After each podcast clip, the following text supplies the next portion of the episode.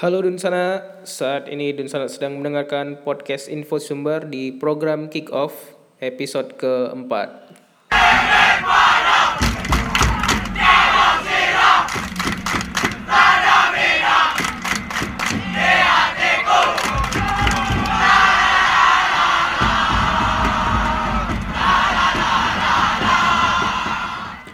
Dan kali ini seperti biasa kita akan membahas tentang Semen Padang FC seperti biasa. Tapi kali ini tidak bersama Padang fans. Uh, dan uh, pertama kita review dulu pertandingan sebelumnya Semen Padang FC melawan uh, Perserang Serang. Dan Semen Padang terakhir itu lawan Perserang kalah uh, 1-0 dan gol satu-satunya Perserang dicetak oleh Octavianus Maniani. Uh, beberapa hal yang jadi catatan penting dalam pertandingan tersebut adalah uh, salah satunya lapangan. Dan itu dikeluhkan juga oleh coach Safrianto Rusli dalam press conference setelah pertandingan. Karena lapangan tidak begitu bagus di Serang. Uh, lapangannya sangat kering dan itu cukup mengganggu jalannya bola jadi menurut Coach Safrianto waktu itu uh, skema skema secara skema dan strategi sebenarnya sudah berjalan cukup baik, namun um, situasi lapangan membuat bola kalau kita nonton waktu itu bola jadi memantul-mantul sehingga sulit dikontrol.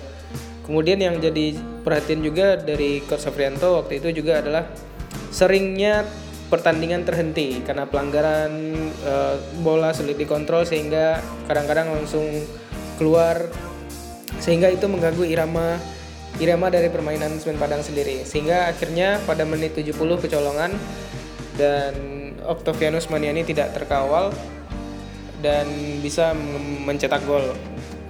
Sementara Semen Padang sendiri secara permainan uh, cukup baik meskipun di babak pertama lebih tertekan dan tidak bisa menguasai jalannya pertandingan. Di babak pertama penguasaan bola lebih banyak kepada Perserang Uh, baru di babak kedua situasi mulai membaik.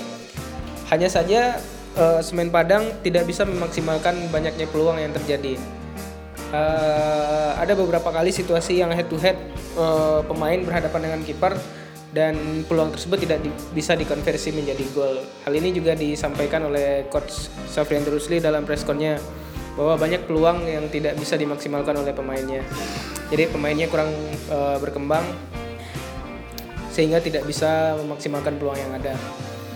Nah, dari pertandingan tersebut yang kemudian uh, akhirnya kita kalah dan menjadi kekalahan uh, pertama setelah kemenangan tujuh kali beruntun dan akhirnya hanya terhenti di tujuh kali kemenangan berturut-turut dan kita tidak bisa memetik uh, kemenangan ke-8 dan di pekan ke-10 kita besok eh, bukan besok sih sebenarnya hari ini atau nanti sore kita akan menghadapi PSPS kan baru dan kalau melihat eh, lima pertandingan sebelumnya itu PSPS hanya berhasil meraih satu kemenangan melawan Cilegon United dengan skor 2-1.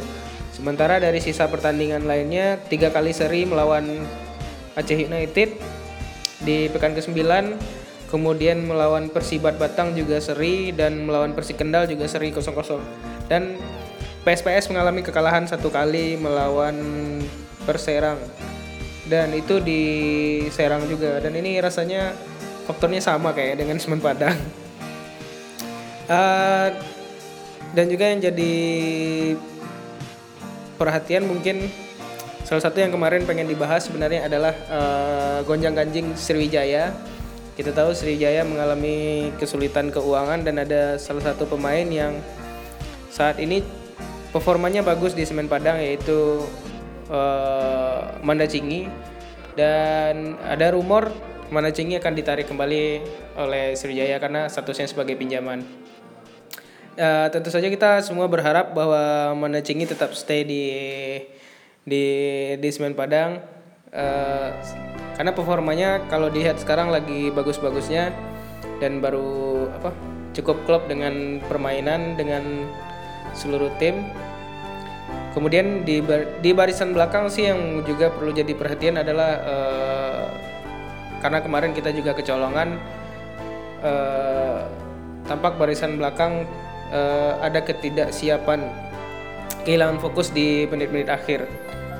Terus di lini serang juga yang mungkin jadi catatan adalah uh, apa uh, konversi peluang menjadi gol. Sebenarnya kalau dilihat dari pertandingan melawan Persero itu karena peluang banyak, hanya saja tidak bisa dimaksimalkan menjadi gol. Dan sekian podcast kali ini. Uh, kita juga mengajak untuk seluruh pendengar podcast Info Sumber uh, agar hari ini nanti sore datang ke stadion karena ini supporter kita juga dapat informasi supporter PSPS Rio cukup uh, ramai datang ke Padang untuk mendukung timnya. Dan kita sebagai tuan rumah sebagai supporter tuan rumah jangan sampai kalah. Kita kalau bisa merahkan stadion hadiri stadion dan penuhkan stadion. Dan di akhir pertandingan tentu saja kita bisa menyanyikan anthem bersama-sama. Sekian untuk uh, podcast info sumber di program Kick Off uh, episode keempat kali ini dan sekian selamat mendengarkan dan jangan lupa datang ke stadion. Assalamualaikum warahmatullahi wabarakatuh.